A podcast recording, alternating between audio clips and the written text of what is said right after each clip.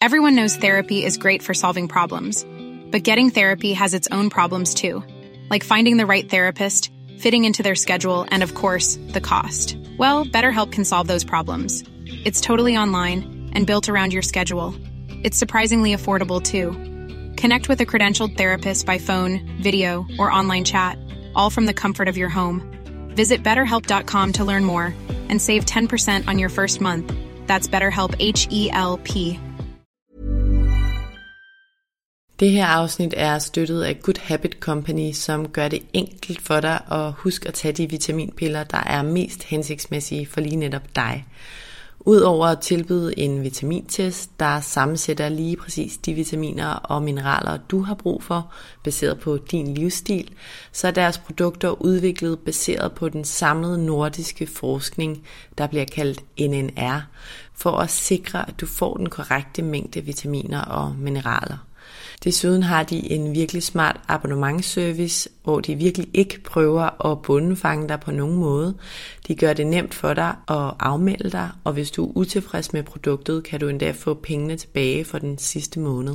Så hvis du har overvejet at begynde at tage vitaminpiller, så synes jeg, at du skal tjekke Good Habit Company ud. Din personlige startpakke, den kommer med deres flotte glasbeholder, så du kan have den stående fremme og faktisk huske at tage dine vitaminer. Du kan besøge deres hjemmeside og tage deres vitamintest. Det tager kun 4 minutter. Og du kan bruge koden MindCare for at få 20% rabat på de første tre forsendelser. Og den rabat kan du faktisk godt kombinere med de 20% rabat, du allerede kan få ved kvartalsvis bestilling. Og dermed kan du altså opnå 40% samlet rabat.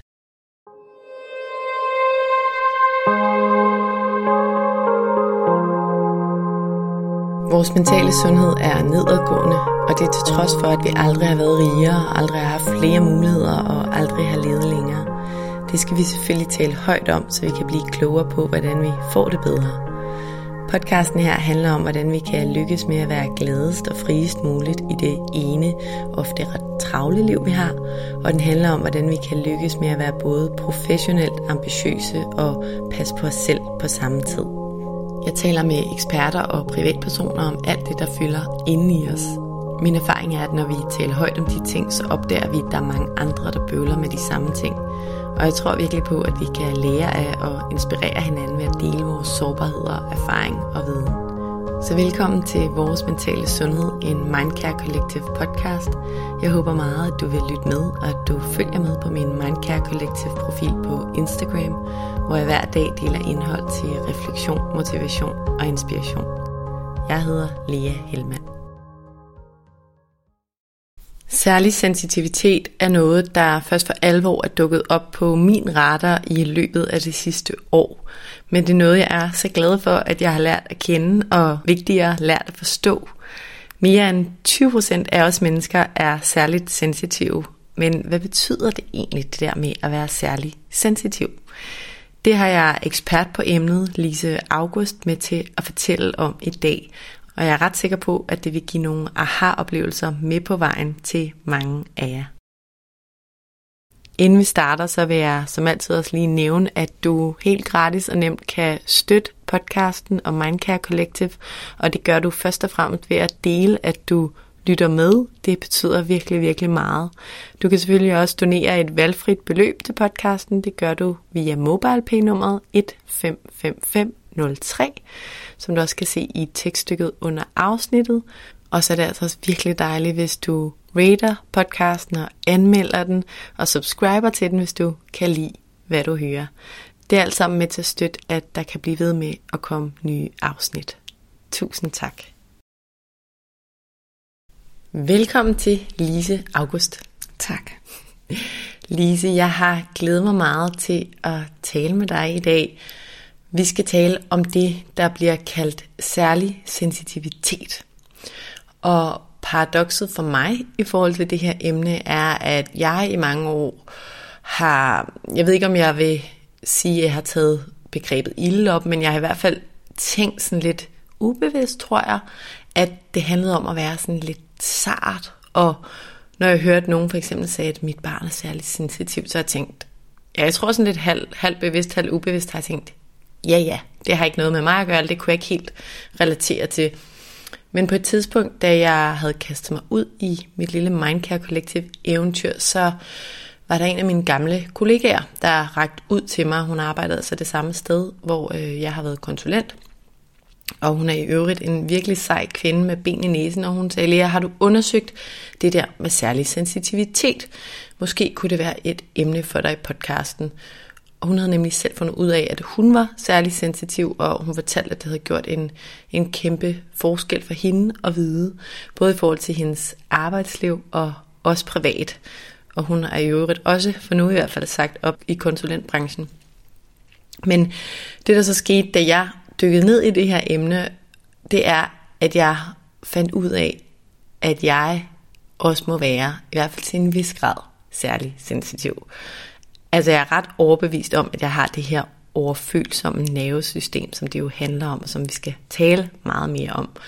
Og da jeg fandt ud af det, så var der faktisk virkelig mange ting, der lige pludselig gav meget bedre mening for mig, selvom jeg stadig kan have lidt svært ved at stå ved den her term sådan personligt. Altså jeg kan godt mærke, at jeg har sådan en, en lille modstand mod det, fordi jeg altid har været sådan en, der bare farede sted og gjorde tingene og lykkedes med tingene. Så det er sådan et, og der er et eller andet i mig, jeg lige skal arbejde med for fuldstændig at anerkende det. Men nu siger jeg det her, så det er vel rimelig meget at anerkende det, at der, der, er, der er noget der. Jeg, jeg er ret sikker på, at jeg er særlig sensitiv. Og vi kan også tale lidt mere om måske, hvorfor det er, at jeg, øh, jeg synes, det er lidt svært at stå ved, og hvordan jeg har fundet ud af det. Men jeg synes i hvert fald, det er virkelig interessant. Og, eller måske men, det her emne er stadig noget, jeg mangler at dykke meget mere ned i. Jeg kender det kun sådan lidt i overfladen. Og det er blandt andet derfor, at du er her i dag, fordi du ved rigtig meget om særlig sensitivitet. Og sagen er, at der faktisk er rigtig mange, der er særlig sensitive derude, måske uden at vide det. Og det synes jeg er ret interessant, fordi vi lever i et samfund, der har rigtig meget fart på, og hvor alting larmer og bipper og lyser, og dagligt så mødes vi altså af rigtig mange former for stimuli, der jo i den grad påvirker vores nervesystem. Så Lise, er du klar på, at vi kaster os ud i det her store, meget spændende emne? Ja, jeg glæder mig. Dejligt. Inden vi gør det, så vil jeg lige starte med at præsentere dig. Du hedder som nævnt Lise August, og du er 50 år, og så er du psykolog. Og du er altså især optaget af, hvordan særlig sensitivitet kan blive forstået og værdsat og komme i spil som en ressource faktisk. Og det er du optaget af, fordi som du siger, det beriger ikke kun den særligt sensitive selv, men det beriger faktisk også de nærstående omkring personen og arbejdspladserne og samfundet, når den, der er særligt sensitiv, faktisk forstår sin sensitivitet og handler hensigtsmæssigt på baggrund af den. Og det synes jeg jo er interessant, når den her podcast handler om ja, generelt at have det godt i livet, men også at udleve vores fulde potentiale. Så lad os dykke ned i det, Lise. Jeg har lige sat lidt ord på, hvad særlig sensitivitet er, men det er dig, der er eksperten, så vil du ikke starte med, med, med dine ord og definere, hvad er det her begreb? Altså, hvad er særlig sensitivitet? Ja, det er et nedarvet personlighedstræk, som gør, at du er mere påvirket af indtryk. Og det er alle indtryk, du møder i hverdagen, så det er på det fysiske niveau, det er socialt, i forhold til andre mennesker. Det er også de indre indtryk, dine egne følelser og tanker, som du bliver mere påvirket af, når du er særligt sensitiv. Og jeg vil give et eksempel, øhm, så man kan forstå dobbeltheden i, hvordan det både kan virke som en sårbarhed og som en styrke. Hvis du forestiller dig et af de her bibne kontorer, øh, der sker en masse, og så er der et møde og du er særligt sensitiv, og du har to kolleger, og du skal arbejde på et projekt, så kan du mærke og opsnappe hurtigere. Der er lige en trækning i mundvin, der er lige et eller andet i øjenkrogen. Og det vil dit fint bearbejdende nervesystem lidt hurtigere få fat i, end det vil ske for de fleste andre. Hvis du så her kan mærke, ah, de har lidt svært ved at arbejde sammen og finde hinanden, og så hurtigt finder ud af et eller andet, får sagt noget og kan mærke, nu fik jeg bygget bro. Nu oplevede de begge at blive hørt. det gør en forskel i samarbejdet, så er det noget, hvor at din særlige sensitivitet faktisk hjælper dig i en lang række sammenhænge til at få ting til at køre bedre og glide bedre og skaber bedre resultater. Så derfor giver det også mening, når du siger, at du har kørt dig ud af. Fordi der er utrolig mange fordele i det sensitive øhm, potentiale. Omvendt kan man sige, når man så er på vej hjem, øh, hvis man nu kører toget, så kan man måske mærke, hvilket humør er den, jeg sidder øh, ved siden af i, og hvad er farven på brillerne, og man bliver irriteret over en ringetone, og ens nervesystem er påvirket af alt det. Eller man kunne forestille sig, at man ikke havde fundet en måde at bygge bro mellem de to kolleger, og følte det mit ansvar, og ikke fandt fred med det, så ville det også være mere besværligt at være sensitiv, fordi du bliver både mere påvirket på godt og på ondt. Så det er som om, du ligesom har nogle forstærkede antenner ude, der ligesom gør, at du fornemmer bedre alt, hvad der sker omkring dig, og du tager det dybere ind. Lige præcis. Og hvis du har de antenner og er vokset op i trygge omgivelser, så hjælper de antenner dig faktisk til at læse situationer på en kompetent og bevidst måde, og du kan bruge din sensitivitet som en stor ressource, og faktisk kan du se, at den gruppe er særligt sensitiv trives langt over middel.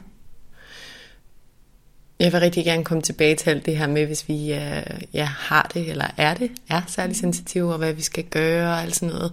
Men for altså at få det her potentiale ud af det, men er det noget, der er forskning på, det her med særlig sensitivitet? Absolut, og der bliver forsket mere og mere i det, og det vi øh, kan se, det er, at der er mange gen, genmarkører involveret, og at de genmarkører også kaldes for modtagelighedsgener, så de virker altså på godt og ondt. Det vil sige, at hvis du vokser op som særligt sensitiv i en familie, hvor miljøet er varmt og kærligt, og du bliver beriget, og du bliver støttet, øh, så kan du se, at du har flere positive følelser end gennemsnittet. Børnene er mere tilbøjelige til at dele deres klistermærker med andre børn eller donere til UNICEF. Omvendt, hvis du er særligt sensitiv og vokser op i en familie, hvor at der er kritisk klima og der er meget stress, så kan du også i højere grad end en anden blive mere dybt påvirket af det, og altså føle øhm, flere negative følelser, mere have oplevelsen af, at jeg er forkert, jeg gør det ikke godt nok. Og den her dobbelthed, den gælder ikke kun som barn, den gælder livet igennem. Så er du på en god arbejdsplads, og du er særligt sensitiv, så er du til fulde i stand til at nyde godt af at have gode kolleger og en god chef og et spændende arbejdsområde. Men er du et sted, hvor du oplever, at du savner mening, øhm, at det er noget, man ved, det går særligt sensitiv ekstra op i, at arbejdet skal være meningsfuldt, så du savner mening, du oplever, at der ikke er et godt socialt miljø, øhm, at du bliver for presset, så vil du have et nervesystem, der lidt før siger, nej tak, det her vil jeg ikke være med til.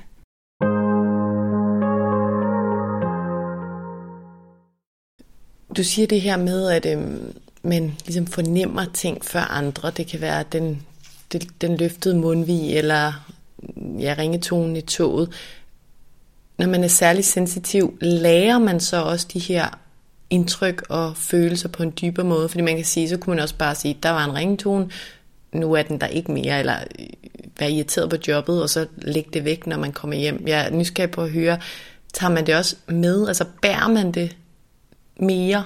Fylder det mere, når det også, altså når det ikke er der, de der indtryk? Forstår du, hvad jeg mener? Absolut, og det man for eksempel har fundet ud af ved hjernescanningundersøgelser, det er, at der ser ud til, både med berøring og visuelle indtryk, har man fundet det, at der sker en anden type hjerneaktivitet hos den særligt sensitiv. Det er ikke øh, øjnene, der ser mere, det er heller ikke huden, der mærker mere, men det er hjernens bearbejdning, der giver på godt og ondt en mulighed for at bearbejde oplevelsen dybere. Og dermed også stille sig selv spørgsmålet, hvad betyder det her? Hvad gør jeg ved det? Og dermed også komme på nogle gode løsninger på ting, være kreativ. Men det afhænger meget af, hvordan man bearbejder den information, man får.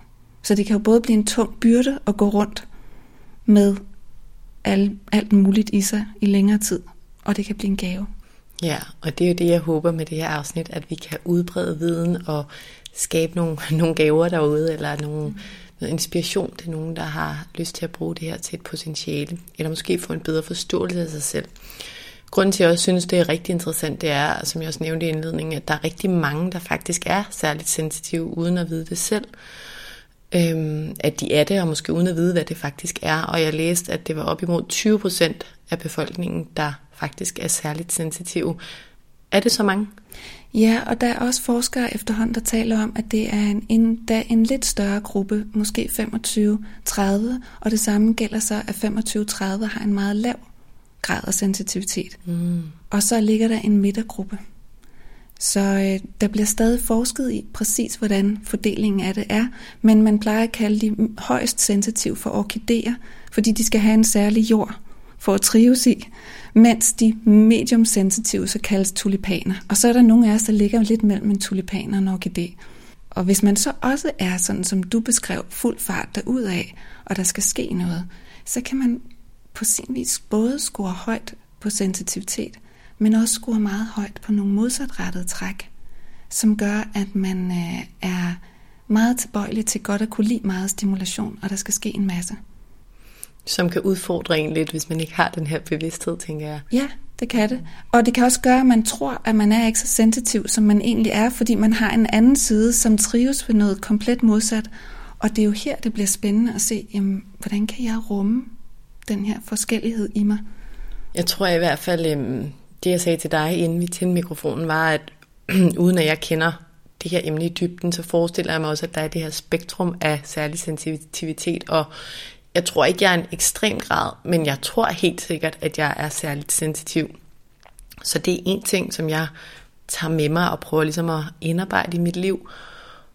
Men den anden ting er, at jeg i hvert fald har tænkt meget over, at jeg ja, hele mit liv, som du også nævner, fordi jeg nævnte det, at jeg har haft meget fart på, og jeg har, du ved, studeret og haft mange venner og gået i byen og arbejdet som konsulent og altså levet et liv, hvor jeg var rigtig meget på som jeg jo har nyt på mange måder, og jeg har jo ikke tænkt over det, når jeg stod på den der klub øh, anden dag eller tredje dag i træk på, øh, på studiet, øh, at det betød noget.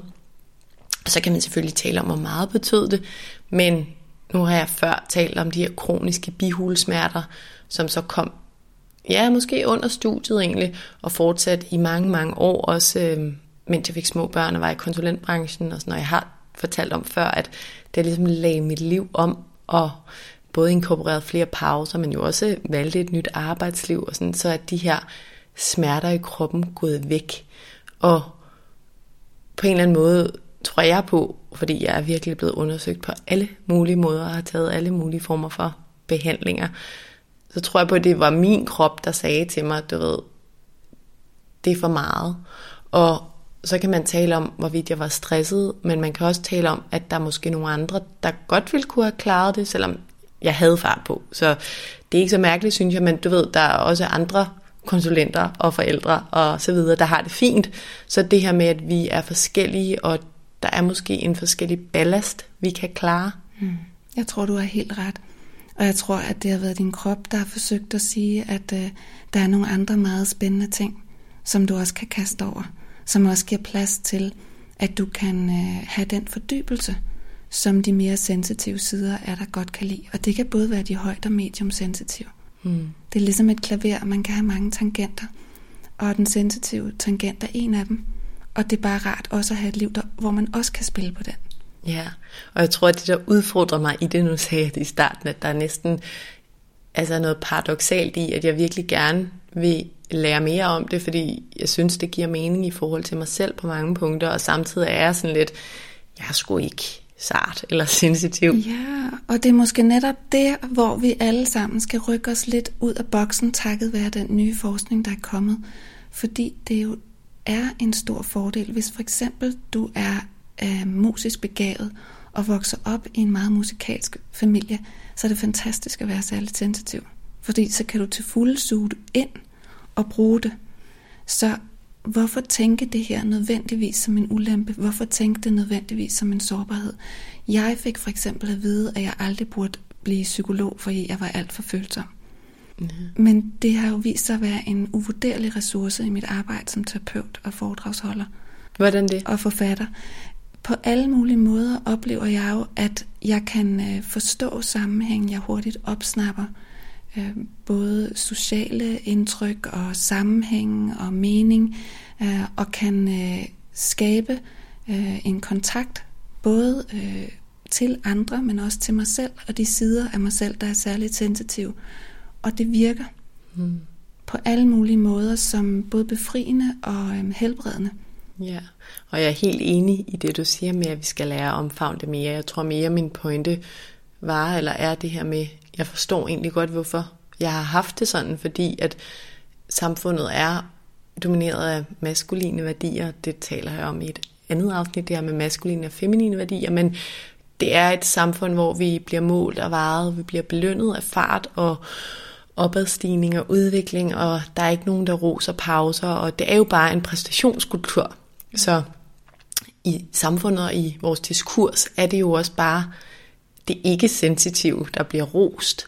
Og derfor tror jeg, måske nogen kan lige skulle arbejde med at anerkende det. Ja, jeg er med, og, og, og samtidig så oplever jeg virkelig, at der er mange særligt sensitive, hvor det netop er de kvaliteter, der gør, og nu tænker jeg på ledere, jeg har coachet, som har rigtig god sans for at se langt, planlægge, forudse, hvornår der er noget, der kan komme til at gå galt, og før der overhovedet er opstået et problem, så får de ting ind på sporet. Det er dem, der er gode til at skabe relationer, som altså bliver, virkelig bliver scoret højt af dem, der arbejder sammen med dem, når man undersøger, og som har en lang række fordele. Så jeg ved heller ikke, om det kun, altså om det ikke bliver anerkendt. Faktisk ser jeg flere og flere sensitive mennesker, som når de finder ud af det, så får de lønforhøjelser, de bliver forfremmet.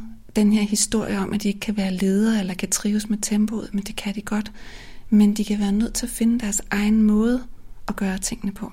Mm-hmm. Finde nogle åndehuller, nogle måder at øhm, få hverdagen og nicherne, de går ind i, til at spille godt sammen med deres særlige sensitivitet. Men så oplever jeg, at i de tilfælde er det nogle gange netop de særligt sensitive kvaliteter, som får dem til at brillere og blive anerkendt.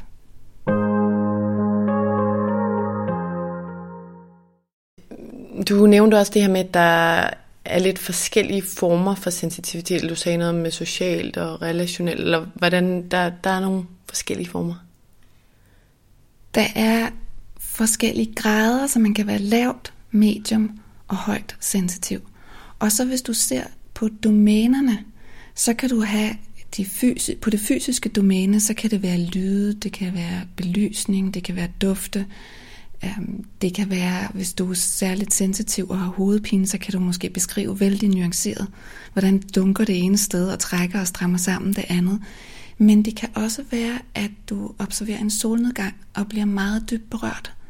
Det kan være, at du, når du går på museum, virkelig indoptager nuancer og detaljer i et kunstværk, som andre vil overse.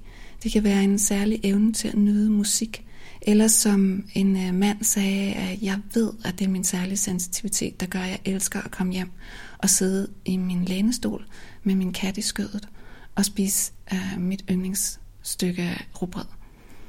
Det er den her nydelse også af hverdagens små og store oplevelser. Men vil det sige så, at alle dem, der er særlig sensitive, de er sensitive på alle de her områder, eller kan man ligesom, eller du kaldte det domæner, eller kan nogen godt være, du ved, især sensitiv i forhold til lyde, og nogle andre er det i forhold til andre mennesker og indtryk, eller forstår du mit spørgsmål? Hvert sensitiv menneske har sit, sine egne områder, og det er også det, der gør det meget interessant. Også, og jeg arbejder med mange par, og et af de mere spændende, det var et ung par, der de studerede begge, så de havde kun en øh, stor etværelses, og han var meget kuldesensitiv, hun var meget varmesensitiv. Hun ville gerne have ryddet op, fordi det mindede hende om ro og orden, og han havde brug for noget hyggeligt råd. Um, øhm, ellers blev han overstimuleret og følte, at tingene var for kliniske. Han trængte til at blive beroliget af noget hjemlig stemning. Um, og derudover så var hun A-menneske, han var B-menneske.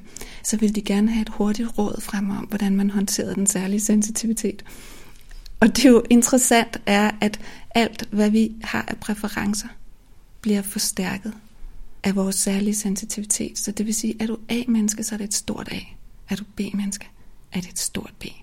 Og det kan også godt gøre, at det nogle gange bliver lidt mere udfordrende for os. Men det er ikke nødvendigvis, at det behøver at blive en byrde.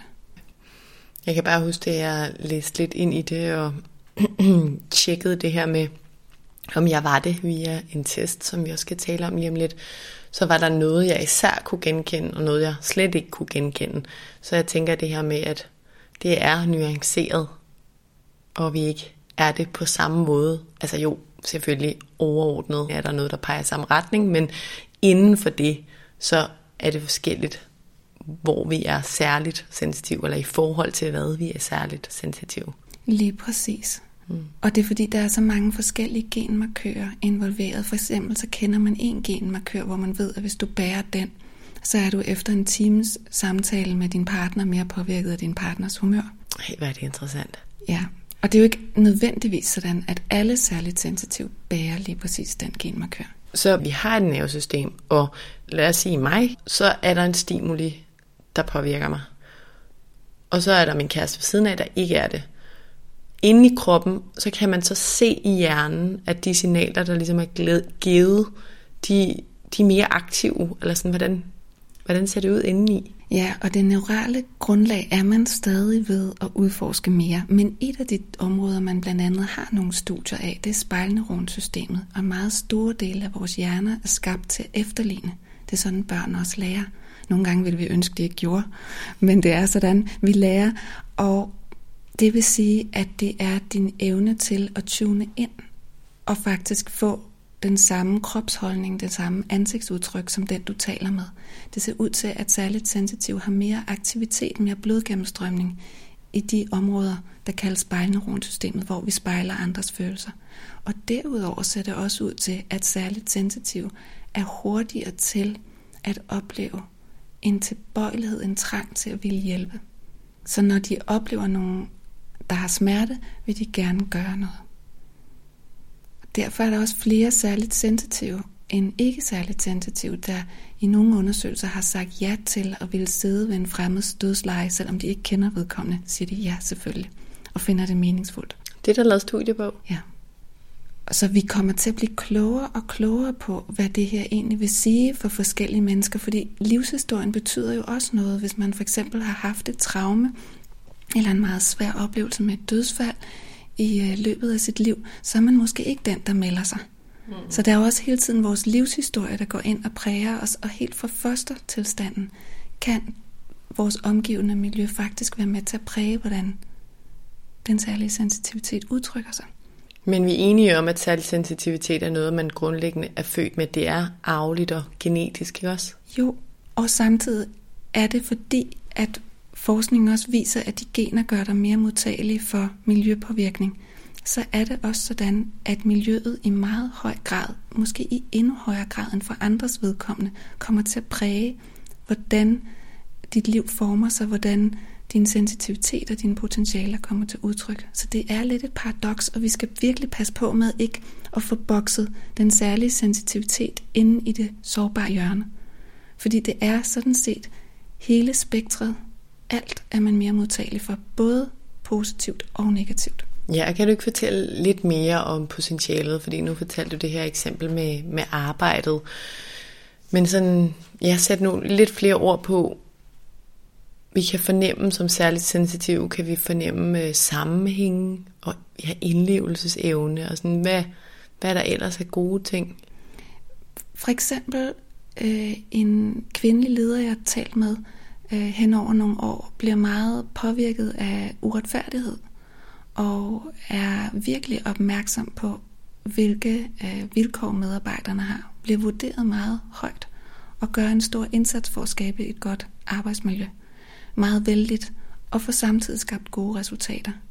Øh, det, der er også vigtigt, det er, hvis man er særligt sensitiv, hvordan i tale sætter man det, man kan på et tidspunkt talte jeg med en øh, regnskabsmedarbejder, øh, som virkelig var skarp til at se, hvornår systemerne spillede, og hvornår de ikke gjorde. Så blev hun headhunted til et job, hvor hun skulle i gang med at, at lave nogle nye rutiner. og fordi hun så gik meget langsomt og grundigt igennem, for at tænke igennem på lang sigt, hvordan skal vi skabe de bedste rutiner, så kaldte hun sig selv for langsom. Da hun i stedet begyndte at se, nej, jeg er velovervejet, jeg sparer den her virksomhed for virkelig mange problemer på den lange bane. Jeg gør et analytisk arbejde, som de færreste kan finde ud af. Så fik hun i tale sat sine kompetencer på en helt anden måde. Men hun kunne jo bare have kaldt sig selv for langsom.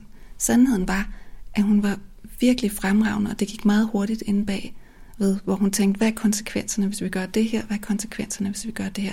Og de fik etableret nogle meget bedre og meget mere effektive rutiner, takket ja. være hendes indsats. Så det er egentlig, fordi man forstår sammenhæng, eller fornemmer, gennemskuer, analyserer sig frem til sammenhæng hurtigere end andre, og man på den måde også ofte er lidt mere langsigtet, og egentlig tænker også på relationers ved og vel i det, fordi man er påvirket af, hvordan folk har det. Det er det, der spiller sammen til at være fordele. Lige præcis. Og det er de fordele, man ser udtrykke sig, når den særligt sensitiv er i balance med sig selv. Hvis derimod den særligt sensitive føler sig urolig indeni og er meget stresset, så kan man se en adfærd, hvor man bliver mindre tålmodig, øh, man bliver mere pigerlig, kan blive øh, kan have sværere ved at finde løsninger på problemer, og kan opleve, at man har mange negative følelser. Så det afhænger igen af tilstanden, man befinder sig i, om man får udtrykt det potentiale. Og derfor er et program altså, som dit meget ved, vedkommende, fordi man har brug for at vide det som særligt sensitiv. En af de førende forskere på området, Jay Belsky, en professor fra USA, han siger, forestil dig, at du har to klumper ler, og det svarer til, det sensitive nervesystem vil svare til at have en klump ler, der er mere vand i. Det er mere formbart. Det vil sige, at i arbejdslivet kan du virkelig komme ind i mange forskellige nicher. Øh, der er ikke et særligt job, der passer til dem, der er særligt sensitive. Det er helt afgørende at se ud til at være, at man er mere formbar, at man er mere påvirket af, hvilket arbejde har man, hvilke muligheder får man, og hvordan har man det med sig selv, hvordan folder man sig ud. Hmm. Mens dem, der ikke er så sensitive, det er ligesom en klump ler med mindre vand i. De er, som de er, uanset hvilken arbejdsplads de er på. Og derfor er der jo nok ikke noget at sige til, at mange særligt sensitive, inden de skal skifte arbejde, tager en dyb indånding. De ved godt, at de på godt og ondt er mere påvirket af det. Og mange kan godt mærke det, øh, og ved, at jeg er mere påvirkelig, og derfor er det også en lettelse at finde ud af, når det er derfor. Fordi som du siger, så har du haft oplevelsen af, at det er nok ikke alle dine venner, der har haft det på præcis samme måde. Nej, enig. Og der er flere ting i forhold til det, jeg har tænkt over, sådan, når jeg kigger tilbage, at det der med at, øh, jeg fortalte også til dig inden, inden vi tændte mikrofonen, og det bliver relevant, når vi snakker om, om de ting, som man bliver spurgt om i den der test. Men jeg har altid fået helt vildt altså choks, sådan øh, kendt som hende der, der var virkelig for høje choks, og tænkt over, men jeg kan jo ikke nå at tænke over, at jeg ikke vil reagere på det, før jeg har fået det. Altså virkelig var sådan, jeg, jeg kan ikke gøre noget ved det. Så det er virkelig en ting, der sådan altid har fyldt mig, ikke fyldt meget, men den har fyldt, og jeg har, jeg, ja, jeg har tænkt over, at det var lidt mærkeligt, hvorfor bliver andre ikke så forskrækket? Og så en ting også, jeg har tænkt over, det er, når jeg er inde og se for eksempel en musical, eller en koncert, eller et teater, faktisk måske i forhold til de der ting, hvor man sidder ned og kigger, så især når der er musik, så bliver jeg ramt af sådan en altså bølgende, kriblende fornemmelse i hele min krop. Og jeg har tænkt at sidde der i stolen og tænke sådan, hvis alle føler det her, hvor, hvorfor snakker vi så ikke mere om det? Eller hvorfor, altså for det er helt vildt.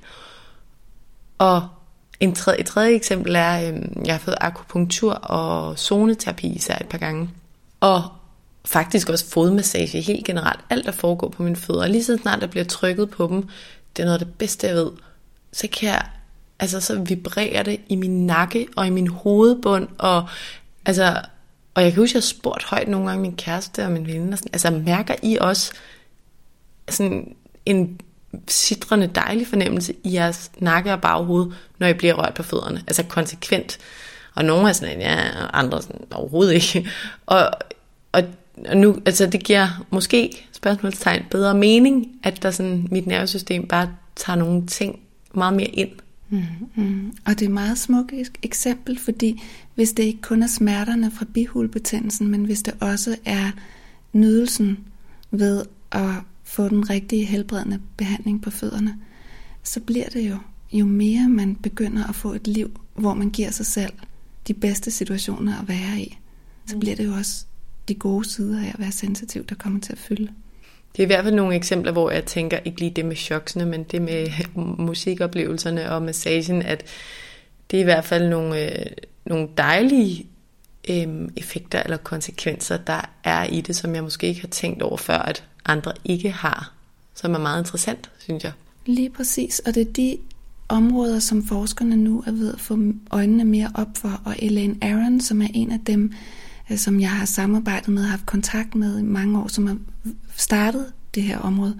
Noget af det, hun siger, det er, det her chok, du får, det kan jo også godt bidrage til, at du så tænker mere over den oplevelse, der gav dig den uro i kroppen. Fordi at dybe følelser motiverer os også til dybere refleksioner. Så reelt set kan det være det, der gør, at man lærer noget mere af en oplevelse, hvis man bliver mere bevæget af den. Så har man måske traditionelt tænkt, at dybe følelser og rationel refleksion var hinandens modsætninger, men tværtimod er der jo flere studier, der viser, at hvis du kan bevare en rolig arbejdsdistance til det, du har, de følelser, du har oplevet, så kan du også virkelig reflektere meget dybt over det, og måske lære mere end en anden, og så kan det være, at det er en stor fordel for dig. Selvom du siger, det kan føles som et kontrol, kontroltab, fordi du har ikke kunne gøre noget ved det. Everyone knows therapy is great for solving problems, but getting therapy has its own problems too, like finding the right therapist, fitting into their schedule, and of course, the cost. Well, BetterHelp can solve those problems. It's totally online and built around your schedule. It's surprisingly affordable too. Connect with a credentialed therapist by phone, video, or online chat, all from the comfort of your home. Visit betterhelp.com to learn more and save 10% on your first month. That's BetterHelp, H E L P. Quality sleep is essential. That's why the Sleep Number Smart Bed is designed for your ever evolving sleep needs. Need a bed that's firmer or softer on either side? Helps you sleep at a comfortable temperature? Sleep Number Smart Beds let you individualize your comfort so you sleep better together. JD Power ranks Sleep Number number 1 in customer satisfaction with mattresses purchased in-store. And now, save 50% on the Sleep Number limited edition Smart Bed for a limited time. For JD Power 2023 award information, visit jdpower.com/awards. Only at a Sleep Number store or sleepnumber.com.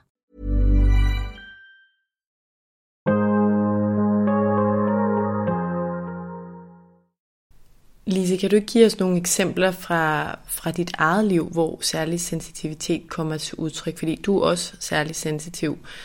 Kan du give mig og lytterne nogle eksempler på, nu fortalte du i dit, i dit psykologarbejde, at det er en kæmpe gave. Hvornår øhm, føler du, det kan udfordre dig lidt, hvis du ikke passer på? Um, jeg har for eksempel haft som ung øh, to ældre søskende, som nok har været grænsende til lavt sensitiv. Og de var altid på festivals og skulle altid ud og rejse. Og jeg spejlede mig i dem og tænkte, sådan er det rigtige liv. Men jeg har aldrig været god til at gå på Roskilde Festival. Jeg blev utrolig udmattet af det. Um, så rejser, der kan jeg også godt mærke, at jeg skal have mere tid til at ankomme et nyt sted. Og det ved jeg nu. Jamen, hvis jeg skal på storbyferie, så tager jeg hen til parken og får et, øh, nogle rolige timer, eller er på hotelværelset, giver ned, inden jeg skal ud og opleve noget mere. Jeg kender det. Jeg ved, at jeg er fysisk mere påvirket af den type øh, ting. Så oplever jeg, at øh, for eksempel hvis nogen fortæller mig noget, der er meget smukt, så kan jeg ofte blive berørt af det. Ikke af det, der er svært, men jeg kan blive taknemmelig, og så får jeg tårer i øjnene.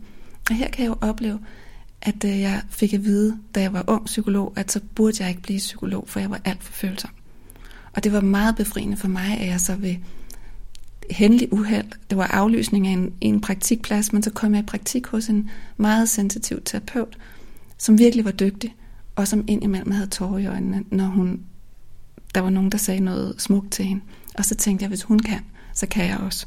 Men jeg tror, at jeg på den måde, via min egen livshistorie, har prøvet det her med at tro, komme til at blive usikker på, jamen er det her så et problem, øh, indtil jeg så læste de første bøger om særlig sensitivitet og kunne se, nej, selvfølgelig, jeg har den her sensitivitet, der har mine to søskende ikke. Jeg skal finde min egen vej. Og hvis ikke det havde været for det, så var jeg måske ikke skiftet til psykologi, så havde jeg, jeg havde lavet mit liv til at rejse. Jeg havde startet et økologisk rejsefirma og var ved at blive færdiguddannet som antropolog. Men det var alt, alt for overstimulerende for den sensitive side af mig. Jeg havde glemt den del af mig selv, fordi jeg ikke havde ord for den. Og jeg tror, det er det, der sker for mange. Man ved ikke, det findes. Man har ikke ord for det. Og derfor indretter man et liv, der ikke tager højde for det. Mm. Og så kan det virke som en svaghed, når pludselig man bliver overstimuleret af det hele. Men det er, jeg, jeg er begyndt at se det som en venlig påmindelse om, at der findes nogle spændende muligheder nogle andre steder. Og jeg tænker, at mange kender, at de reagerer anderledes end andre. Altså, jeg tror sådan et klassisk eksempel med et bryllup, hvor bruden går op af gulvet, og der er altid nogen, inklusive mig, der græder hver gang, og så er der nogen, der ikke gør. Og det tror jeg er måske ikke, man tænker så meget over, for det er jo bare sådan, nogen gør, nogen gør ikke. Men hvis man lige ser et større billede, så giver det jo ret god mening, hvis nogen bare ligesom tager ting mere ind. Og så er det her jo et ret uskyldigt eksempel, men som du nævner, er der bare nogle eksempler, der faktisk kan have en indvirkning på vores trivsel og mentale og fysiske velbefindende. Og det er det, jeg synes er virkelig spændende at, at få frem. Ja, og det eksempel, du nævner her, der er det også meget vigtigt, hvordan bliver de følelser mødt af andre omkring en? Hvordan bliver de tolket af andre, og hvordan tolker man dem selv? Fordi hvis det bliver tolket som en svaghed, øh, og hvis det bliver tolket negativt, så kan man jo som særligt sensitiv få et negativt selvbillede og føle, hvad der er galt med mig, siden jeg bliver så berørt af det her bryllup. Og det er så synd. Jamen det er jeg enig i, og det er der, hvor jeg tror netop, at det med brylluppet, det vil ingen øh, vurdere eller dømme, men netop andre eksempel, hvor nu siger du, du skal tage det roligt, når du ankommer et sted på en ferie, eller sige, du rejser med en veninde, der ikke øh, vidste, hvad særlig sensitivitet var, så kunne jeg forestille mig, hvis I ikke havde talt om det, og lad os sige, I ikke kom til at tale om det, at hun ville tænke noget negativt eller noget dømmende. Altså der er, kirkeeksemplet er rimelig, øh, rimelig uskyldigt, men der er mange eksempler, hvor jeg forestiller mig, at der kunne komme en dom, hvis man ikke har den her bevidsthed. Lige præcis, og der er også venskaber, der går lidt i stykker på rejser, fordi den særligt sensitiv ikke får de pauser. Der kan også være øh, ægteskaber, som er kraftigt udfordret. Der var på et tidspunkt der en mand, der sagde, at hun er en engel, så snart vi er hjemme, og når vi så kommer på ferie sammen, så er hun en djævel. Og det var klart, for hun oversatte, og hun havde ro derhjemme. Men når de var på ferie, så var der noget på programmet, og på dag nummer tre, så eksploderede hun og kunne ikke holde ham ud. Og der er der jo mange særligt sensitive, som bagefter kritiserer sig selv. Hvorfor er jeg sådan? Hvorfor bliver jeg så ulidelig at være sammen med? Jamen det er, fordi de ikke får givet sig selv den ro og kender nervesystemet tilstrækkeligt godt til at vide, hvordan planlægger jeg mit liv, så jeg er optimalt stimuleret. Mm. Og der, hvor det nok er udfordrende, det kan være for drenge, der vokser op med det, og føler, at jeg kan i hvert fald ikke vise den form for følsomhed udadtil, fordi der er nogle normer, i det her, hvordan er man, når man er en rigtig mand. Og det er der også piger, der vokser op i familier, hvor de aldrig havde fået altså en positiv tilkendegivelse fra deres forældre, hvis de havde været typerne, der fældede en tårer i kirken. Så der er nogle familier, hvor at det er ille set at vise følsomhed. Og der ser man nogen, der gør, der løser det her problem ved at lade som om, at de ikke er sensitive og så får de en tyk skal, og ender med selv at have svært ved at kunne mærke sig selv. Og det er ofte der, at de særligt sensitive mænd lander, når de kommer ud af balance. De kan ikke mærke deres følelser, og så er partneren der og skal mærke deres følelser for dem. Mm. Så siger partneren, jeg kan mærke, der er noget. Og han siger, nej, der er ingenting. Um, og det er fordi, han har lært fra han var helt lille, at det galt om at gemme de her følelser meget langt væk. Men det gælder vel også, hvis man ikke er særlig sensitiv. Altså det der med at få at vide, at man skal pakke følelser væk og sårbarhed væk, når man er lille. det behøver man vel ikke at være sensitiv for, eller særligt sensitiv for, at skulle kæmpe med i voksenlivet, vel? Nej, og det er lige præcis der, hvor at det formbare lær, det her med, at man så kan blive endnu mere formet af det, bliver interessant. Fordi så er der den her kvinde, der forelsker sig i en meget følsom mand. Og lige i forelskelsesfasen, så er de her mønstre, der, er det ligesom, der åbner sig noget, så man bliver ikke så fanget af dem. Man åbner op for sit følelsesliv. Når der så er gået omkring 6 måneder til et år, så kan man se i hjernen, så ændrer blodgennemstrømmelsen sig, og så er forelskelsen fortaget sig, og det er så her, han vil begynde at lukke ned. Og der vil hun forbløffes over, at han måske virker endnu mere nedlukket end en anden mand, og kan have endnu sværere ved at rumme hendes følelser end en anden mand. Så den her mand, der til at starte med virkede så følsom og modtagelig og forstående, er nu pludselig meget afvisende. Mm. Og trækker sig ind i sig selv i endnu højere grad end en mand, der ikke var lige så sensitiv, ville gøre. Fordi at han jo måske, hvis han bærer en af de her genmarkører, der gør ham mere påvirket af, hvilket humør konen er i, når hun kommer hjem, jamen så har han i endnu højere grad behov for at trække sig. Og det er vigtigt i forhold til at forstå, hvor forskellige vi kan være, fordi der er det mest mænd, men der er også faktisk en stor del af de særligt sensitive kvinder, der kæmper med, at i visse situationer, hvor de har en negativ vurdering af sig selv, som de oftest har med for familien, så lukker de ned og siger til sig selv, det her det mærker jeg ikke, jeg er ligeglad. Jeg burde kunne klare noget mere. Og så kører de videre, ind til kroppen siger. Stop. Nu nævnte jeg lidt det her med, at der er en test, eller der findes en test, hvis man vil teste, om man er særligt sensitiv. Kan du ikke fortælle lidt om, om den? Hvad er det for nogle spørgsmål, som testen stiller? Hvad, ja, hvad er det, den undersøger? Ja, man finder tre grupper. De højt sensitive såkaldte orkideer, øh, som udgør 30 procent og har brug for en speciel god, øh, um, et godt miljø omkring sig. Så finder man øh, også en gruppe på 30 procent, som er meget lavt sensitiv, og som nogen også kalder mælkebøtter, fordi de kan vokse og trives uanset hvor de er. Og så er der en midtergruppe, der bliver kaldt tulipanerne. De er sensitive, men de er ikke højt sensitive. Og det man går ind og kigger på i testen. Må jeg lige spørge, så det vil sige, ud af dem, der er særligt sensitive, så er der altså, ud af den procentdel, er der 30 orkideer, 30 mælkebøtter, og så 40 tulipaner. Man kan sige sådan, at tulipanerne de er sensitive, mens orkideerne de er særligt sensitive. Men det er bare for at forstå, at det her ud af befolkningen, så dem, der er mælkebøtter, de, altså det, det er hele befolkningen. Det er hele befolkningen, okay. Så det er ikke en kategorisering, kategorisering af de særligt sensitive, det Ja, det er befolkningen. Så med det, jeg hører der, du var også lidt inde på det tidligere, så er der faktisk orkideer og tulipaner, som er sensitive i nogen grad, hvor det påvirker deres liv, og orkideerne dem, der er særligt sensitive. Ja. ja. Okay. Så det er simpelthen graden af det, hvor højt, hvor, hvor intenst, hvor kraftigt er det.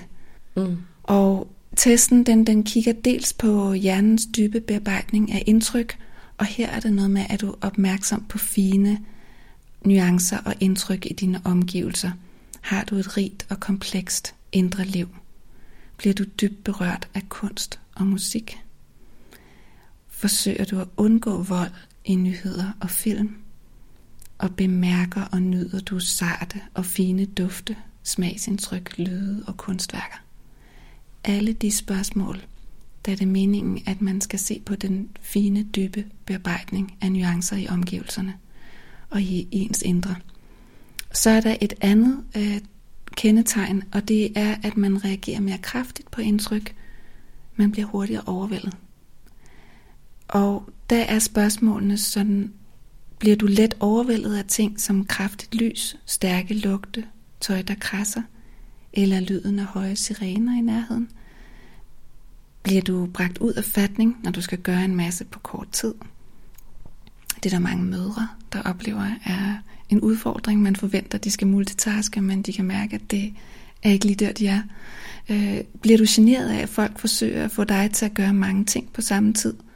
Bliver du rystet af forandringer i livet? Og når du skal færdiggøre en opgave eller blive observeret, mens du udfører den, kan du så føle dig mere nervøs eller rystet, sådan at du klarer dig dårligere, end du ellers ville.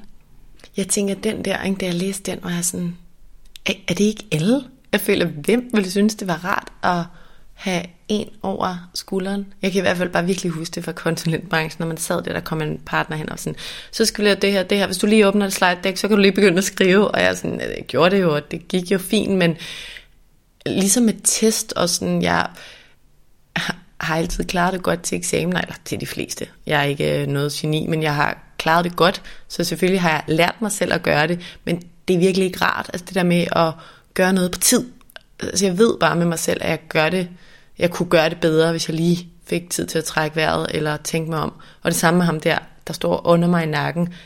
Ej, jeg synes, det er ubehageligt. Men altså, er der virkelig nogen, der ikke synes, det er ubehageligt? Der er virkelig nogen, der synes, det er behageligt stimulerende. Det får dem op i gear, det får dem til at kede sig lidt mindre. Og det gør, at de oplever, at de toppræsterer. Fordi de bliver presset lidt, og nu skal de bevise. Så det kan faktisk være det stik modsatte for dem, der er lavt sensitiv, og det værste for dem, det er at komme ind i et miljø, der ikke er så stimulerende og ikke er så udfordrende. De begynder at kede sig så meget, at de kommer til at komme i dårlig humør af det. De skal presses for at have det godt. Mm. Den anden ting i det er så, at hvis man er særligt sensitiv og kommer i den situation, så skal man også vide, at det er utrolig vigtigt at give sig selv tid til at vende sig til det.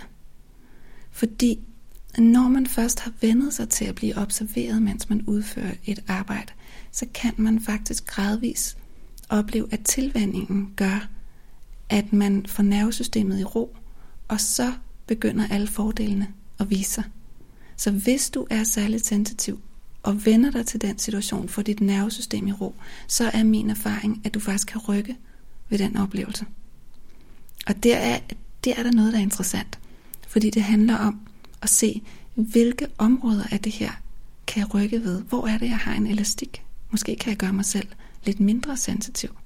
Ikke fordi man altid ønsker det, hvis det er, man er til en virkelig smuk koncert, så hvorfor ikke bare skrue fuldt op for sin sensitivitet. Men andre gange er der noget, man kan lære sig selv at reagere mindre kraftigt på, og det er der i høj grad.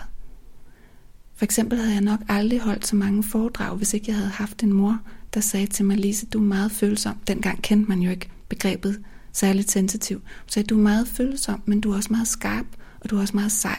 Du skal bare lige give dig selv nogle flere gange til at vende dig til ting. Og jeg tror, at hendes stemme har jeg haft i mig, og jeg har givet den videre til mange særligt sensitiv, hvor jeg har sagt, vent dig lige til det. Prøv lige at se det an efter et stykke tid. Er det så stadigvæk en belastning? Det kommer selvfølgelig an på, hvordan partneren er, som kigger over skulderen. Mm. Men hvis det ellers er ordentlige forhold, så kan man vende sig til meget. Er der andre kategorier i testen? Det er de vigtigste to, de her. Og man kan tage den blandt andet inde på din hjemmeside? Ja. Ja. Hvad er det, den er helt præcist? Sensitiv.dk Nemt. Ja. Der kan du tage testen helt gratis, eller tjekke de her punkter af. Ja, og vi har også en uddybende profil, hvor du kan gå ind og se, hvilke sociale områder, hvilke personlige områder, og for mange gælder der også en moralsk sensitivitet, at man føler dybere for verdens tilstand og er mere optaget af spiritualitet og værdier end de fleste andre. Ej, det er interessant.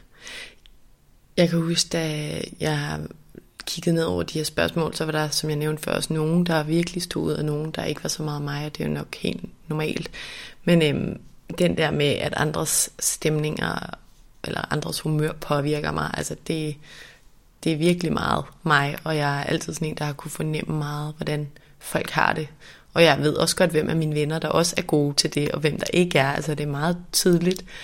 Så for mig er det også den der med actionfilm, og altså det er nærmest blevet sådan, for den formulerer sådan, prøver du bevidst at undgå actionfilm, noget i den stil står der. Og det er virkelig der, jeg er nået til. Altså, jeg, altså hvis min kæreste foreslår en, hvor det skyder meget, så jeg kan næsten ikke overskue det.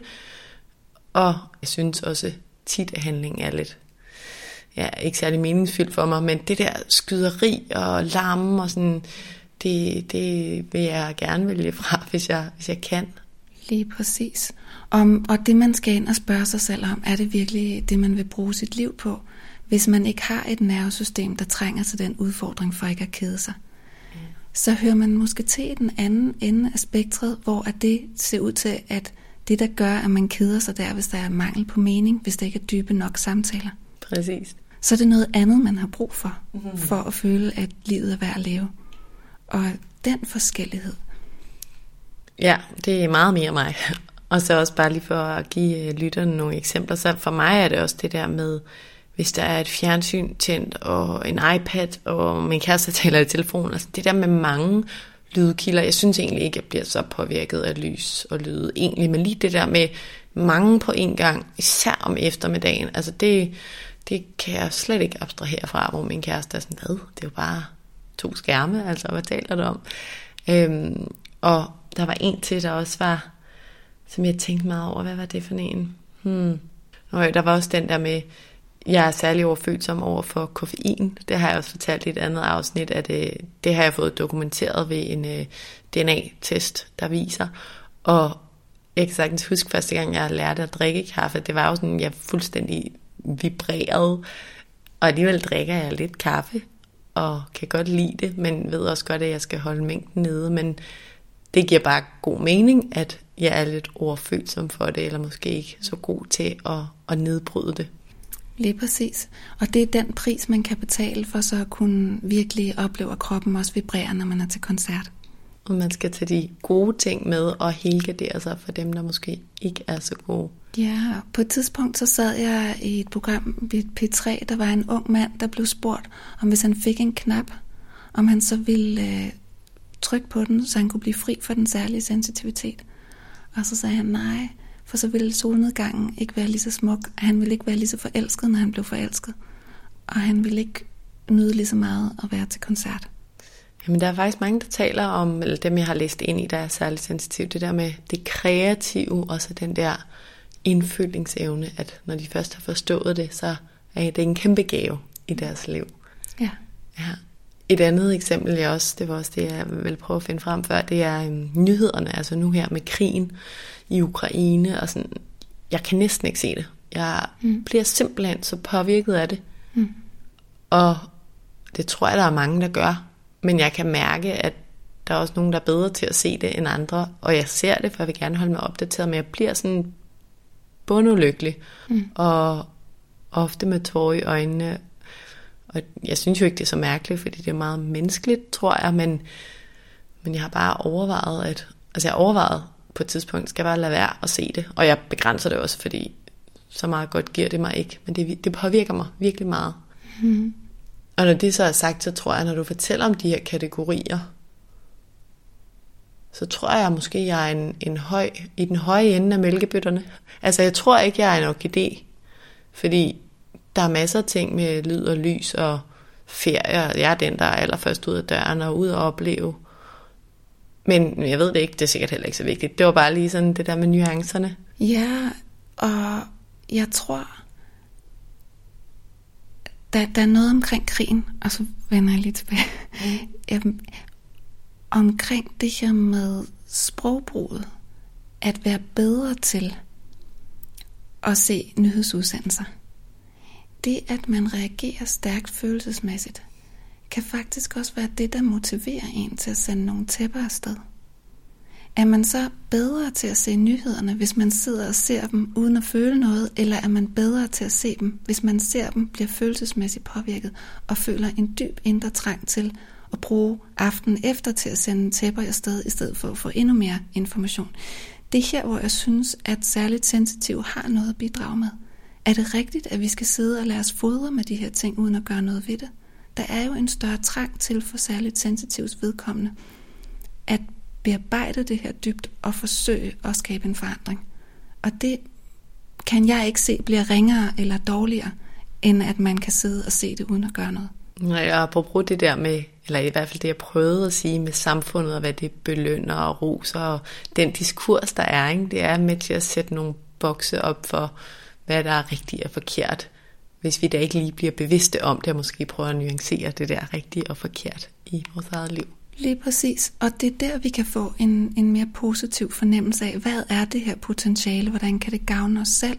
Hvordan kan det gavne andre? Fordi man bliver måske faktisk ret lykkelig af at sende de tæpper afsted. Og det kan være, at man kan inspirere andre til også at gøre det. Og det kan være, at de også bliver mere lykkelige. Og dem, der får tæpperne i en kold årstid, bliver absolut lykkelige. Og det er her, hvor vi skal passe på med at sidestille den følsomhed med at være en svaghed. Så det var, det var den del, hvor du sagde noget om krigen. Og så er der, så sagde du noget omkring det, som jeg forstod, det er det her med at være en tulipan. Midtergruppen, ligge højt i midtergruppen, uden at være helt oppe. Jeg sagde måske en høj mælkebøtte. Jeg mente en høj tulipan i hvert fald. Ja. Var det det, jeg sagde? Jeg tror, muligvis sagde du mælkebøtte. Ja, jeg mente høj tulipan. Altså midtergruppen, klart sensitiv. Men, men jeg føler ikke, det er ekstremt. Men jeg føler klart, det er øh, noget, jeg skal være opmærksom på. Altså det er noget, jeg har med mig. Kan man godt prøve at kategorisere sig selv? Man kan absolut prøve at kategorisere sig selv. Og så sige, jeg tror, at jeg ligger i toppen af midtergruppen. Og jeg tror samtidig også, at jeg har nogle kendetegn og nogle træk fra nogle andre faktorer. Det kunne være, at du er meget udadvendt, eller det kan være, at du scorer højt på det, man kalder nyhedssøgende. Øhm, hvor at man faktisk har fuld fart på, og der skal ske noget. Og man også ofte er yderst arbejdsom. Den type personlighedstræk kan godt gøre, at man ikke opdager sin særlige sensitivitet lige så hurtigt. Fordi det virker jo som om, at man har fuld fart frem hele tiden. Så på den måde er der mange nuancer, fordi der er de andre personlighedstræk, man har. Der er i hvor høj grad man er særligt sensitiv. Og så er der i hvor høj grad man har lært at acceptere det. For eksempel talte jeg med en kvinde, der havde altid fået at vide, hold nu op med at være så nærtagende. Så hun havde... Den har jeg også fået at vide mange gange. Den har du fået at vide. ja, det inviterer jo til, at man får et negativt selvbillede, når man registrerer noget social information. Og det er ikke nødvendigvis sådan. Det er i hvert fald ikke nødvendigvis negativt. Det kan jo så være en psykolog, der engang sagde til mig, prøv at ændre den der framing af, at nærtagen er noget negativt, og du er bare påvirkelig, og det er en god ting. Der anede jeg faktisk ikke, hvad særlig sensitivitet var, men øh, hun, hun vidste måske godt noget. Og hvad skete der så for dig, da du fandt ud af, Jamen, øh, jeg gik hjem og sagde til min kæreste, det var tit ham, der sagde det, vi er stadig sammen, og han er nu min mand, så, så alt er godt. Men, øh, men jeg synes, det var ret dejligt at få en anden vinkel på, fordi jeg følte, og føler til del stadig, at det at være nærtagende, nærtagende er forkert. Øhm, jeg, havde, jeg havde glemt eksemplet faktisk lige før du siger det nu, men jeg kan huske, at jeg synes, det var en rar måde at prøve at få det i talsat på en anden måde, og vende hans perspektiv også til, at kan vi, hey, kan vi ikke tale om, at det ikke behøver at være dårligt, det er faktisk bare mine følelser, og det er sådan, jeg er skruet sammen, og det må vi omfavne. Selvfølgelig skal vi med hinanden og gå på kompromiser i forhold, men, men jeg har det her indre følelsesliv, og det skal vi leve med sammen. Det er så smukt formuleret, fordi det jeg også ser i mange parforhold, det er netop, hvordan den særligt sensitive kan berige den, som i starten siger, jeg mærker ikke noget her, eller hvorfor bliver du så påvirket af det? Gradvist kan det være, at den, der i starten ikke mærker så meget, begynder at opleve verden med den andens øjne og hjerte, og begynder selv at kunne mærke noget mere. Og på et tidspunkt, så talte jeg med en kvinde, der sagde, jeg kan mærke, at det du siger om svigermor ikke passer. Prøv lige at gå ned og tage tre runder i gården. Og så, da han havde gået lidt længere på det, så havde han en anden oplevelse. Og der kunne han jo godt se, at hun var trængt igennem til et eller andet, han ikke rigtig selv ville vedkende sig. Og på den måde kan man sige, at nogle gange, når man mærker noget, og nogen siger, at man er nærtagende, så det man kan mærke, det er måske, at der bliver sagt noget, og der er en følelsesmæssig virkelighed inde bagved, som den anden ikke er i kontakt med. Mm. Og det kan faktisk berige det andet menneske, at få en mulighed for at mærke lidt bedre efter og spørge sig selv, hvad hvis du egentlig har ret i det, du mærker her?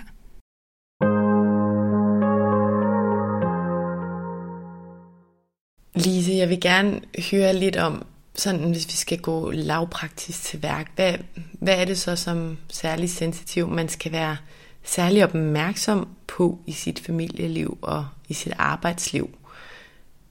Lad os, lad os starte med arbejdslivet. Altså, hvad, hvad kan man være opmærksom på her, for at sikre sig eller øge oddsene for, at man trives?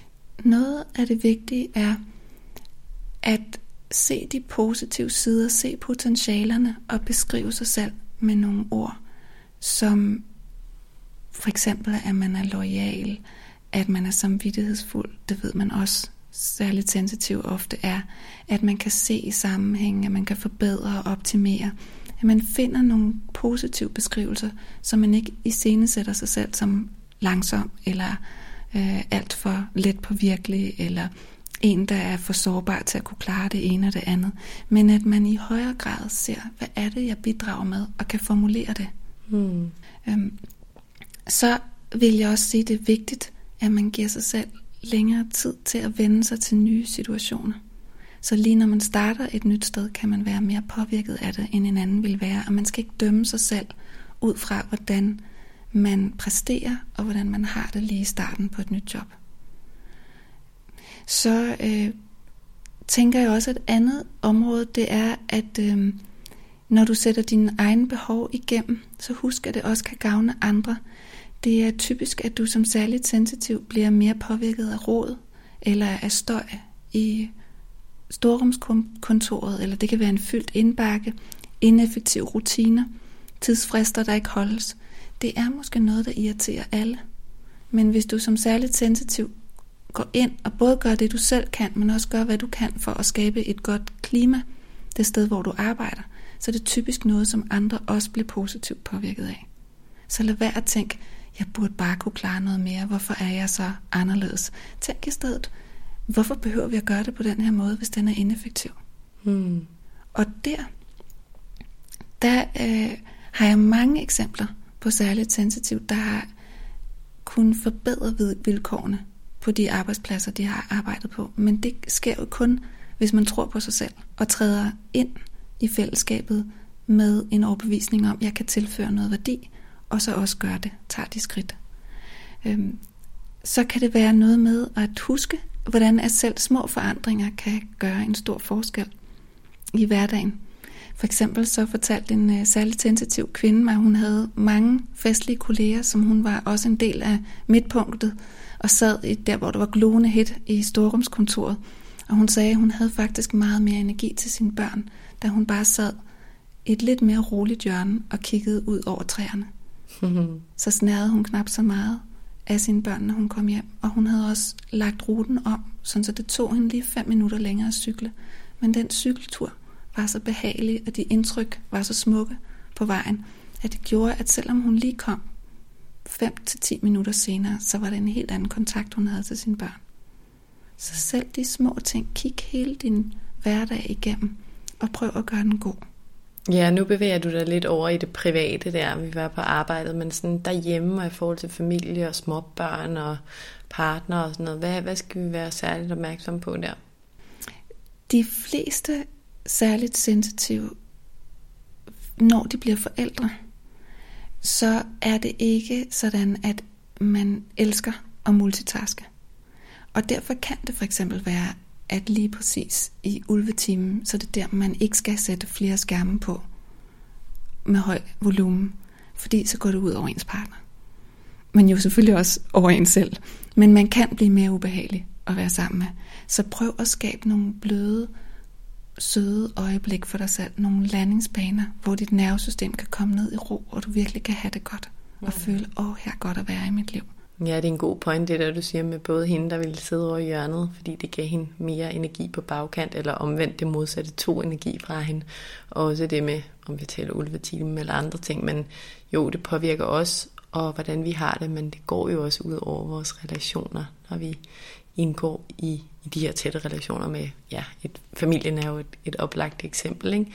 jeg tænker, som vi også talte om helt i indledningen, at det har virkelig mange positive konsekvenser at lære sin sensitivitet at kende og håndtere den hensigtsmæssigt. Mm, præcis.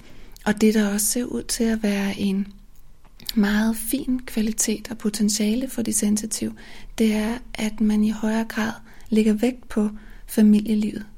Øh, at det betyder noget for en at have balance mellem arbejdsliv og privatliv. Der er altså ikke et job, der ser ud til at få sensitiv til at trives, men det skal være meningsfuldt. Det man arbejder med, skal man opleve. Mening betyder utrolig meget. Og så, at der er en god balance mellem arbejdslivet og privatlivet. At prioritere det, det går de fleste særligt sensitiv helst ikke på kompromis med. Og der, i forhold til øhm, privatlivet, Så noget af det, der også kan være vigtigt, det er, at man skaber nogle tidsbælter til at gå i dybden og for eksempel vide, jamen nu er jeg helt på mit barn. Jeg er ikke halvt på mit barn. Jeg går ind og har en dyb nærværende kontakt, hvor vi er sammen. Og så står jeg af bagefter og tillader mig selv at stå lidt af, hvor jeg er mere fokuseret på noget andet. Det, det skaber ofte en lettelse. Og også, at man har nogle øh, aftaler med partneren om, at man indimellem deler sig lidt op, sådan så det sensitive nervesystem kan få lidt ro. Mm.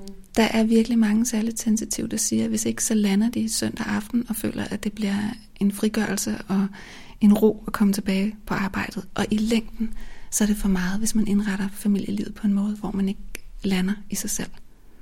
Og det kan især være en udfordring, hvis man oplever, at ens partner slet ikke forstår, hvad det er, man har gang i med de her særligt sensitive behov. Ja, endnu, en, endnu en fordel til at udbrede viden omkring det. Ikke? Mm. Jeg tænker, at vi også lige hurtigt kan vinde det der med børn og sensitivitet. Altså jeg ved, at mange lytterne har børn, og som jeg forstår det, så er det altså afligt, fordi det er den her indlejrede funktion i vores nervesystem. Så hvad kan vi som forældre være opmærksom på i forhold til vores børn? Altså om de er særligt sensitive, når vi endnu ikke ved det nødvendigvis. Ja, giv din egen trivsel høj prioritet, fordi alle børn har gavn af det. Men hvis dit barn er særligt sensitiv, så vil det i endnu højere grad blive præget af dit humør. Så er du gravid, og du ved ikke, hvordan med barnet, så have det godt. Del mange positive følelser med dit barn allerede i den periode af livet, og lad det fortsætte. Så prioriter din egen trivsel højt, og sæt også fokus på positiv tilknytning i parforholdet, fordi det ser ud til, at de særligt sensitive børn i meget høj grad opsnapper, er far og mor på bølgelængde. Har de det godt? De bliver mere positivt påvirket af, når der er et trygt og varmt forhold, og de bliver også mere negativt præget af, når der er kritik eller kulde eller uoverensstemmelser. Mm. Så i virkeligheden skal man tænke, hvis mit barn muligvis er særligt sensitiv, så skal jeg virkelig sætte fokus på, at jeg selv og i min relation, at jeg har det godt. Og det jeg også hørt dig sige, er, at vi egentlig måske skal hmm, lære vores børn om sensitivitet, som vi selv har lært det. Altså det der med, måske ikke fra de helt små, men på et tidspunkt, hvor det giver mening. Og så lære dem, hvad det er, og hvordan man kan omfavne det hensigtsmæssigt, og hvilke fordele og udfordringer det kan have. Lige præcis, fordi på et tidspunkt så taler jeg med en kvinde, der siger til mig, jeg har en datter på 10 år, og hun øh, siger hele tiden, hun er sådan, pas nu på dig selv, mor, og hun kan se, at, øh, at jeg er presset på mit arbejde, og så vil jeg så sige til hende, det behøver hun ikke at tænke på. Øh, og hvordan kan jeg få hende til at tro, at det ikke er hendes ansvar? Og så spørger jeg kvinden, passer du så på dig selv? Og det siger hun, nej, det gør jeg nok ikke. Og det er det her, der skal vi jo ind og sætte et eksempel for, hvordan lever jeg mit eget liv. Giver jeg plads til mine sensitive sider? Fordi hvis jeg gør det, så kan jeg også bedre være en rollemodel for mit særligt sensitive barn. Og her ser det ud til, at det særligt sensitive børn er mere påvirket af, hvilke rollemodeller har det. Og når man så snakker med barnet, så er der så mange forskellige måder, øh, man kan gøre det på. Men noget af det vigtigste, som jeg ser det, det er ikke at få skabt en alt for firkantet, snæver forståelse af det her. Øhm, lad dit barn forstå, at øh, det er ikke sådan, der var på et tidspunkt en, der kom og sagde, jamen jeg er særligt sensitiv, betyder det så, at jeg ikke kan komme på efterskole? Og jeg var bare sådan, nej, nej, det betyder, at du kan nyde alle de fantastiske oplevelser, du får på efterskolen endnu mere. Lad være at se din særlige sensitivitet som en begrænsning. Lad være at se det som en defekt. Lad være at se det som en mini-diagnose. Hmm. Det er et træk, ligesom man kan være mere eller mindre udadvendt eller indadvendt, så kan man være mere eller mindre sensitiv. Og der er fordele og ulemper ved det hele. Det er måske en meget fin opsummerende pointe. Jeg plejer jo at spørge helt til slut om, hvis du skal nævne tre ting, som du særligt vil give med til at opsummere for lytterne. Hvad vil det så være i forhold til din viden og erfaring? Hvis du har noget mere, du gerne vil sige, så endelig kom med det. Men ellers synes jeg lige her til sidst, du, du sagde nogle ret gode opsummerende ting. Men er der noget her til sidst, vi lige skal have med? Vær kærlig og forstående i mødet med livets smerter og modgang. Der er ingen tvivl om, at selvom vi kan tale om, at det er en fordel at være særligt sensitiv, så bliver du også mere ramt. Det vil dit barn også blive. Og nogle gange kunne vi ønske, det ikke var sådan. Men det er vigtigt at acceptere det, at der er en sårbarhed forbundet ved at være mere påvirket af modgang. Mere påvirket af afs- afsavn, skuffelser og af tab. Og i de situationer er det vigtigt at møde sig selv kærligt, forstående, bakke sig selv op, være en god ven. Vi kan være vores egen bedste ven og vores egen værste fjende, og hvis vi har ydre modgang som særligt sensitiv, så skal vi tænke, at vi er også meget påvirket af vores indre stemme. Så den skal give os medgang i modgang.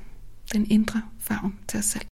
Lise, tusind tak, fordi du vil være med i dag. Jeg synes jo, det er så vigtigt at tale højt om de her ting, der fylder inde i os. Og jeg synes især det er spændende, når det er noget, der egentlig fylder så meget hos så mange, som i hvert fald ifølge min erfaring, at der ikke er særlig mange, der kender til.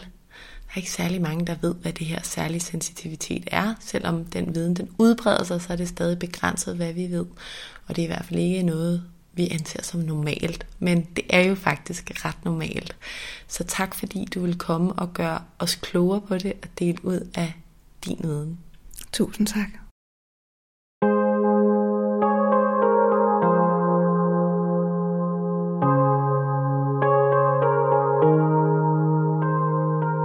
Håber virkelig, at det her afsnit har givet dig noget brugbart med på vejen, enten i forhold til dig selv eller i forhold til nogen, du har tæt på dig. Jeg synes, som I kunne høre i afsnittet, at den her viden omkring særlig sensitivitet er så vigtig at få udbredt. Det var tydeligt for mig, da jeg talte med Lise, at der er nogle måder at være særlig sensitiv på, som ikke gælder for mig, men modsat er der virkelig også nogle områder, jeg altså har fundet ud af, at jeg er ret sensitiv i forhold til, og mere end andre er. Og det har altså givet mig den her nye måde at se tingene på, at jeg i dag forstår det, og det har altså gjort noget godt for mig. Jeg prøver generelt at byde mine følelser og min nærtagenhed, som vi jo lærte i afsnittet i dag, ikke nødvendigvis behøver at være en negativ ting, velkommen. Og generelt prøver jeg egentlig bare at omfavne det her med at være mere sensitiv i forhold til nogle ting, end andre er. Og det er egentlig også Lises vigtigste point, som jeg hører det. Det er vigtigt, at vi både som samfund og individuelt forstår, hvad særlig sensitivitet er, og at vi lærer både, hvilke udfordringer det kan have, men især hvilket potentiale og hvilke muligheder det fører med sig. Og det potentiale og de muligheder skal vi lære at omfavne og omtale positivt vigtigst af alt. Når vi gør det, så skaber vi så videre meget mere potentiale for glæde og for bedre resultater og for både fysisk og mental trivsel i livet. Og så en note om næste uges afsnit, hvor jeg har besøg af Mette Louise Holland. Jeg kan afsløre, at det virkelig er et spændende og inspirerende afsnit, hvis jeg selv skal sige det. Marie-Louise Holland, hun har skrevet bogen Dit selvregulerende sind, og det handler egentlig om, at tanker kun er noget, vi har, og ikke noget, vi er. Tanker findes kun, når vi tænker dem, og der er et kæmpe potentiale i at forstå det og tro på det. Og jeg kan virkelig anbefale dig at lytte med til næste uges afsnit, hvis du synes, at det lyder spændende. Tusind tak, fordi du lyttede med i dag. Hvis du kunne lide det, du hørte, så husk, at du nemt og gratis kan støtte podcasten ved at dele, at du lytter med på sociale medier. Husk at tag Mindcare Collective. Det betyder helt vildt meget. Og hvis du kan lide podcasten, så kan du også støtte ved at rate og anmelde den i din podcast-app, og ved at trykke på subscribe-knappen. Så ved du også altid, hvornår der kommer et nyt afsnit. Det er alt sammen med til at støtte, at jeg kan blive ved med at lave nye afsnit af vores mentale sundhed. Som det sidste vil jeg også bare som altid nævne, at du selvfølgelig er velkommen til at række ud, hvis du har noget på hjerte, eller hvis du har nogle særlige emner, du godt kunne tænke dig at få belyst i podcasten. Jeg er altid åben over for input og feedback. Du kan kontakte mig via min Instagram-profil Mindcare Collective, hvor jeg øvrigt håber, at du følger med. Eller du kan skrive til mig via min hjemmeside mindcarecollective.com. Tak fordi du lyttede med. Mom deserves the best, and there's no better place to shop for Mother's Day than Whole Foods Market. They're your destination for unbeatable savings, from premium gifts to show-stopping flowers and irresistible desserts. Start by saving 33% with Prime on all body care and candles. Then get a 15-stem bunch of tulips for just $9.99 each with Prime. Round out Mom's menu with festive rosé, irresistible berry chantilly cake, and more special treats. Come celebrate Mother's Day at Whole Foods Market.